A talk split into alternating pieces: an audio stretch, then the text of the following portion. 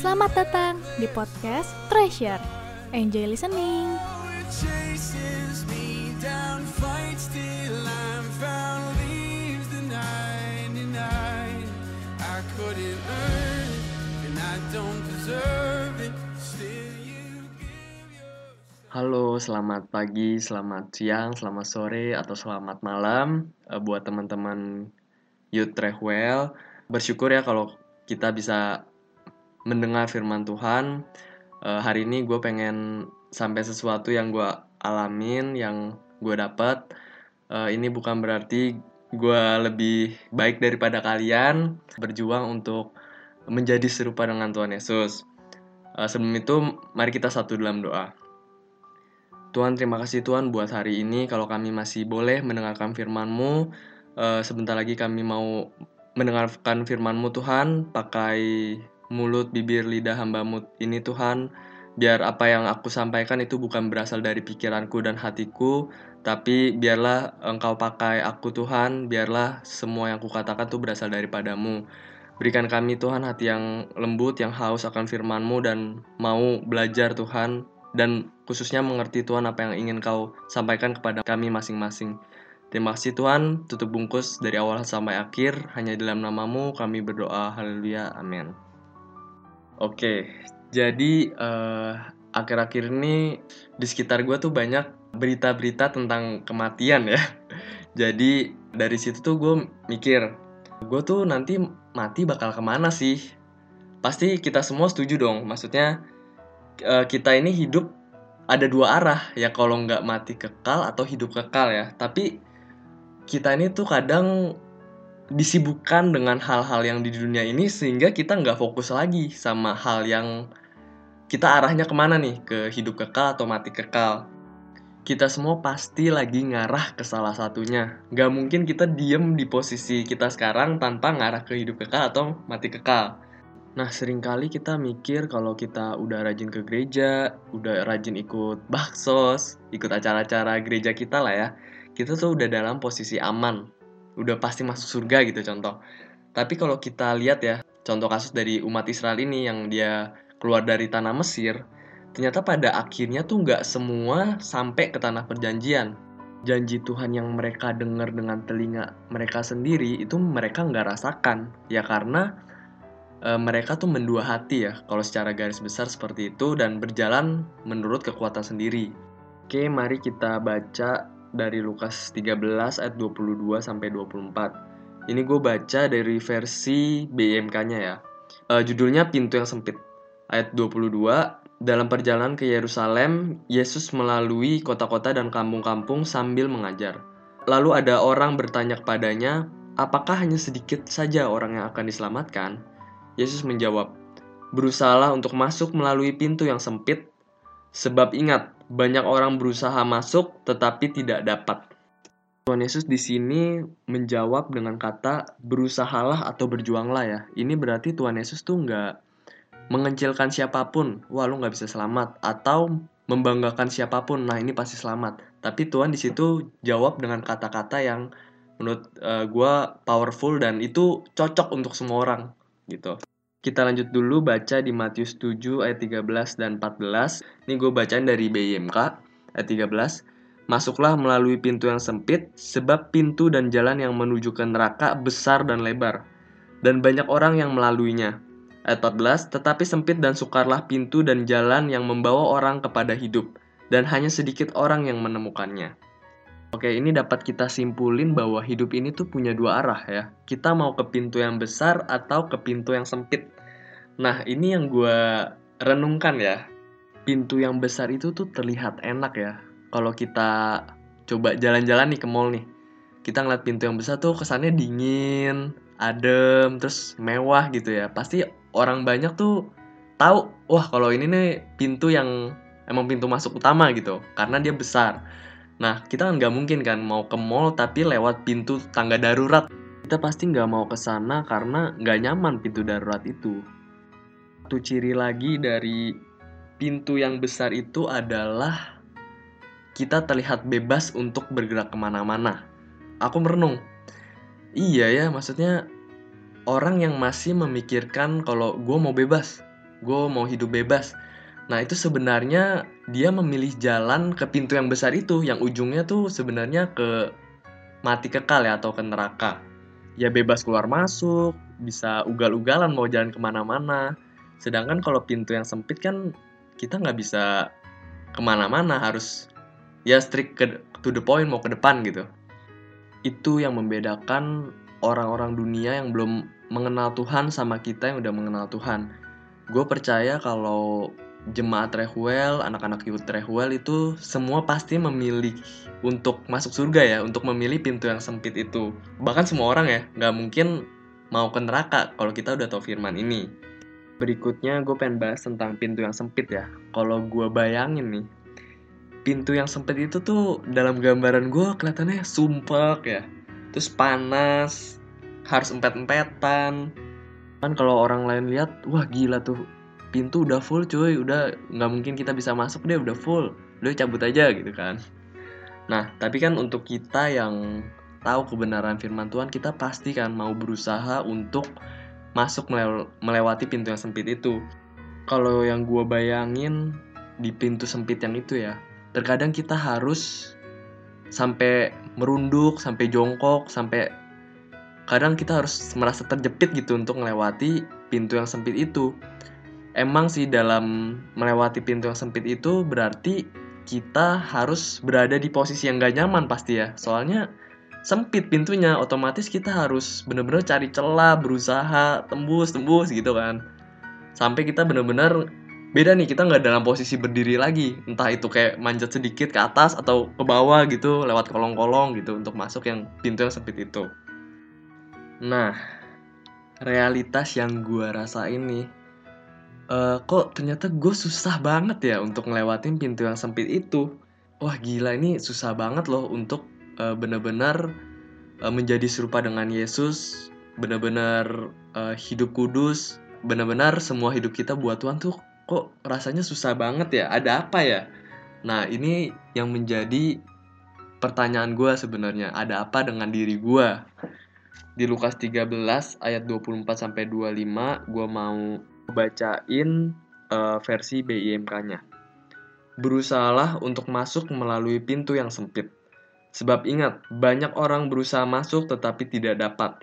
Nah, di ayat 25, pada waktu tuan rumah bangun dan menutup pintunya, kalian berdiri di luar dan mulai mengetuk-ngetuk sambil berkata, Tuan, bukalah pintu untuk kami. Tuan itu akan menjawab, saya tidak tahu kalian dari mana. Loh, kok ini gue dalam posisi yang menuju melewati pintu yang sempit itu tapi gue gagal terus Tuhan menolak gue padahal tujuan gue hidup gue untuk melewati pintu yang sempit itu. Nah beberapa waktu lalu gue juga uh, lagi baca tentang kemah suci ya. Nah itu ternyata kemah suci ada tiga bagian kalau kita uh, pelajari. Itu ada pelataran ada ruang kudus sama ruang maha kudus ruang kudus dan ruang maha kudus itu letaknya di dalam. Ruang kudus itu biasanya untuk para imam-imam dari suku Lewi dan ruang maha kudus itu biasanya untuk imam besar.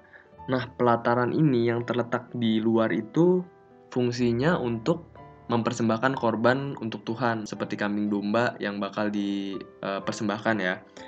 Kita sering ngerasa kalau kita udah berada di pelataran Tuhan, di mana kita tuh udah mempersembahkan korban untuk Tuhan lewat ya pelayanan kita lewat apa aktivitas kita untuk Tuhan kadang kita udah merasa cukup. Padahal tuh Tuhan gak mau seperti itu. Yang Tuhan mau adalah kita masuk ke ruang kudusnya Tuhan.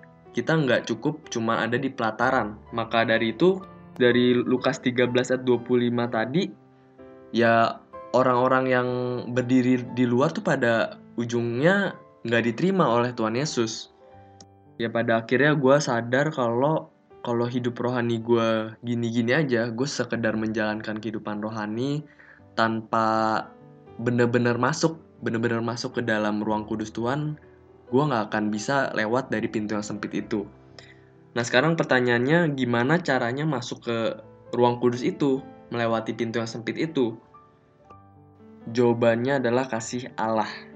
Nggak ada cara lain semua yang kita lakukan untuk bisa hidup lebih baik dan berkenan, ya akan percuma kalau kita tuh nggak mengalami kasih Allah, kasih Tuhan itu terlebih dahulu. Sebenarnya usaha kita, pelayanan kita, itu kebaikan kita tuh cuma seperti kain kotor. Karena kalau kita berusaha masuk melewati pintu sempit itu dengan kekuatan kita sendiri, gitu kita nggak akan bisa. Nah ini kita bisa baca di Lukas 13 ayat yang ke-24 Berusahalah untuk masuk melalui pintu yang sempit, sebab ingat, banyak orang berusaha masuk tetapi tidak dapat. Yaitu mungkin kita sedang menjalani roh, kehidupan rohani kita ini dengan kekuatan kita sendiri. Ya, pada ujungnya kita nggak dapat masuk karena kadang kita ngerasa kalau kita hidup kudus, uh, kalau kita berbuat baik, kita baru berkenan di hadapan Tuhan. Sebenarnya nih dulu kalau standar kekudusan Tuhan itu imam aja ya, seorang imam yang benar-benar rohani, tapi ditemukan ada dosa, ketika masuk di ruang maha kudus dia bisa langsung mati. Makanya kenapa dia dipasang rantai ya di kakinya, karena nggak ada yang tahu, maksudnya dosa sekecil apa pun di hadapan Tuhan sebenarnya kita bisa mati loh dengan dosa yang seperti itu. Jadi sebenarnya standar kekudusan Tuhan itu tinggi banget sampai jadi kita nggak mungkin mencapainya dengan kekuatan kita sendiri karena kita aja udah dilahirkan dengan dosa ya. Nah, Tuhan Yesus ini yang memperkenankan kita yang membuat kita bisa berkenan di hadapan Tuhan. Jadi kita selamat bukan karena diri kita sendiri, tapi karena karya penebusan Tuhan Yesus. Dia memungkinkan kita untuk bisa kembali kepada Tuhan, untuk bisa uh, masuk ke dalam ruang maha kudus itu. Nah, seberapa sering kehidupan rohani kita bertahan cuma di acara agenda rohani doang. Padahal tuh kalau kita bener-bener merenungkan ya, hidup gue kok kosong ya. Nah, itu sebenarnya ada yang salah karena kita nggak menghayati kasih Tuhan. Kita pasti sering denger di gereja Rehwel ini kalau Tuhan itu adil, kita harus disiplin untuk berubah dalam hidup kita. Kita harus mengedepankan Tuhan. Ya menurut gue nih ya, ya gue gue pengalaman banget. Ini oh gila susah banget ya. Kenapa ya? Gue kok susah menerima ini dan susah melakukannya. Nah sebenarnya ini hal yang kita miss. Kita tuh belum merasakan kasih Tuhan, belum merasa betapa uh, kita tuh sebenarnya nggak berkenan, tapi karena Tuhan Yesus kita jadi bisa punya hubungan kembali sama Bapak. Jadi kalau lu mau berubah, lu mau hidup lu lebih baik, lu bela mau belajar, lu mau disiplin, hal pertama yang harus lu rasakan adalah kasih Tuhan. Karena kalau lu nggak merasakan Tuhan dalam hidup lu, gimana lu bisa berjuang untuk menjadi serupa dengan dia? Orang lu aja nggak ngerasain Tuhan, yang membuat gua pribadi dulu nggak bisa merasakan kasih Tuhan adalah ketika gue terlalu sibuk dengan dunia ini. Itu yang pertama. Terus yang kedua, ketika gue mengizinkan iblis untuk mengintimidasi gue kalau gue nggak akan bisa berubah. Gue nggak akan bisa menang dari dosa A, dosa B, dosa C. Gue udah terlalu buruk untuk Tuhan bisa perbaiki gue gitu. Tapi puji Tuhannya, gue tuh diberi Tuhan rasa hati yang hancur dan uh, kayak ada yang gak beres di hidup gue gitu. Nah makanya gue menghimbau teman-teman uh, untuk berdoa lah sama Tuhan Tuhan uh, kasih gue terus Tuhan hati yang hancur, hati yang merasa nggak nyaman Tuhan kalau ada yang gak beres di hidup gue. Mungkin kalian uh, di detik ini ada yang sekarang lagi nggak mikirin nih sama sekali tentang Tuhan, sini berjalannya waktu kalau kalian merasa ada yang gak beres hidup kalian, ada yang kosong dari hidup kalian, itu tandanya Tuhan sedang mau berbicara dengan kalian. Tuhan tuh sedang memperhatikan kalian dan dia mau ke kalian kembali kepadanya. Jadi please jangan hiraukan perasaan kalian yang gak beres itu dan uh, berusaha menutup-nutupi segalanya itu saat-saat di mana kalian harus kembali kepada Tuhan termasuk gue ya. Jadi dengan rasa yang gak beres itu itu mestinya gue harus kembali kepada Tuhan. Ini gue gak beres kekosongan hati gue tuh berarti menandakan bahwa cuma Tuhan sebenarnya yang bisa memuaskan hidup gue ya orang boleh lah menggapai seluruh dunia. Dia boleh kaya dia boleh punya banyak teman. Tapi kalau kalian tanya ya pasti ada satu titik di mana mereka merasa kosong, merasa sendiri dan ya emang kekosongan hati itu tuh sebenarnya cuman Tuhan yang bisa memuaskan diri kita. Hal-hal dunia ini tuh kalau kita udah udah dapat semuanya kalau kata pengkhotbah ya sebenarnya itu sebenarnya sia-sia gitu, nggak nggak bisa membuat kita bahagia.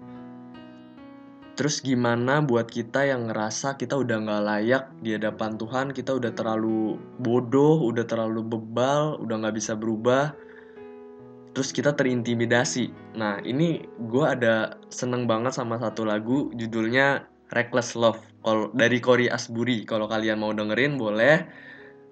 Lagu ini bercerita tentang cinta Tuhan. Nah, lagu itu sebenarnya awalnya dipertentangkan oleh banyak pihak karena judulnya yang reckless. Reckless itu tuh artinya ceroboh. Nah, kalau gue coba cari di Wikipedia, itu reckless itu tuh artinya dia mencintai orang tanpa memikirkan dirinya sendiri. Nah, ini dahsyat banget menurut gue teman-teman karena ya memang benar Tuhan Yesus tuh meninggalkan segala statusnya sebagai Tuhan yang bahkan dia rela loh maksudnya disiksa disentuh oleh manusia bahkan di disiksa ya oleh manusia itu sendiri dan dia melakukan itu demi menebus dosa kita semua. Di sini liriknya disebutin ketika gua masih menjadi musuh Tuhan, Tuhan udah berjuang untuk gua supaya gue bisa kembali. Bahkan Tuhan Yesus kalau diibaratkan sebagai gembala ya, dia meninggalkan 99 domba ini untuk mengejar yang satu yang tersesat, yang hilang. Dia nggak mau sebenarnya satupun dari kita uh, itu binasa. Nah ini gue pengen bacain ayat dari Yeskiel 33 ayat 11. Versi BIMK, Katakanlah kepada mereka bahwa demi aku Allah yang hidup, Tuhan yang maha tinggi, aku tidak senang kalau orang jahat mati.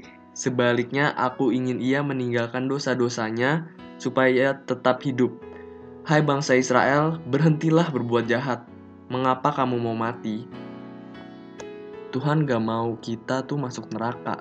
Kita sebenarnya disesatkan oleh iblis, jadi jangan mau diseret iblis dengan tuduhan-tuduhannya kalau kita udah nggak layak ya kita jadi ya udahlah lanjutannya berbuat dosa Ibrani 2 ayat 14 sampai 15 dan 18 ya gue bacain versi BIMK. Oleh sebab orang-orang yang ia sebut anak itu adalah makhluk manusia yang dapat mati, maka Yesus sendiri menjadi sama dengan mereka dan hidup dalam keadaan manusia. Ia berbuat begitu supaya dengan kematiannya ia dapat menghancurkan iblis yang menguasai kematian. Ayat 15, dengan cara itu ia membebaskan orang-orang yang seumur hidup diperbudak karena takut kepada kematian. Ayat 18, dan karena ia sendiri pernah menderita dan dicobai, ia dapat menolong orang-orang yang terkena cobaan, sebab ia sendiri pernah dicobai dan menderita. Jadi udah jelas ya teman-teman, untuk kita bisa masuk melewati pintu yang sempit itu adalah yang pertama kita harus merasakan kasih Tuhan dan kita harus menyadari bahwa usaha kita itu sia-sia kalau tanpa menjadikan Tuhan yang menjadi pusat di kehidupan kita. Gimana sih menjadikan Tuhan pusat dalam hidup kita? Yaitu apa pun yang kita lakukan itu sebenarnya semua untuk Tuhan. Apa pun yang kita uh, alami, cobaan ya kita semua harus bawa kepada Tuhan Yesus karena ya kita jangan pernah berpikir kalau kita bisa menang kita bisa bermegah karena kita udah nggak berbuat dosa nih. Ya bukan kayak gitu tapi karena Tuhan itu sudah memampukan kita dan dia menuntun kita ke dalam jalannya. Di Roma 3 ayat 21 sampai 23 ngomong gini tetapi Allah sudah menyatakan cara baru supaya manusia bisa dibenarkan di hadapannya Cara untuk dibenarkan ini bukan berdasarkan hukum Taurat. Caranya adalah Allah membenarkan setiap orang hanya melalui percaya penuh kepada Kristus Yesus.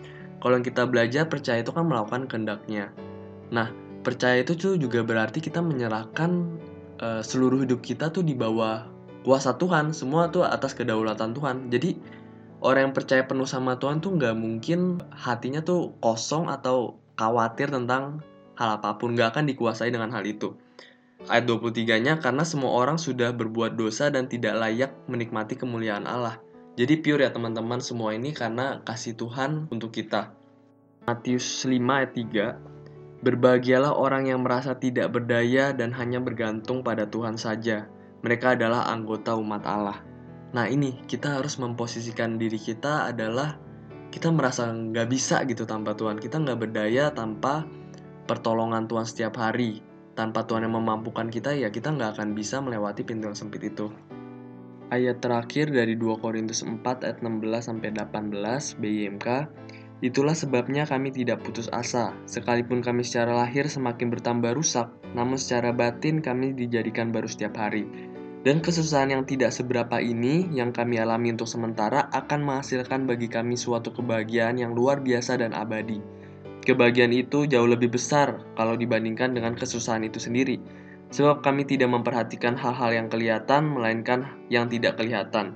Yang kelihatan hanya tahan sementara, tetapi yang tidak kelihatan itu kekal sampai selama-lamanya.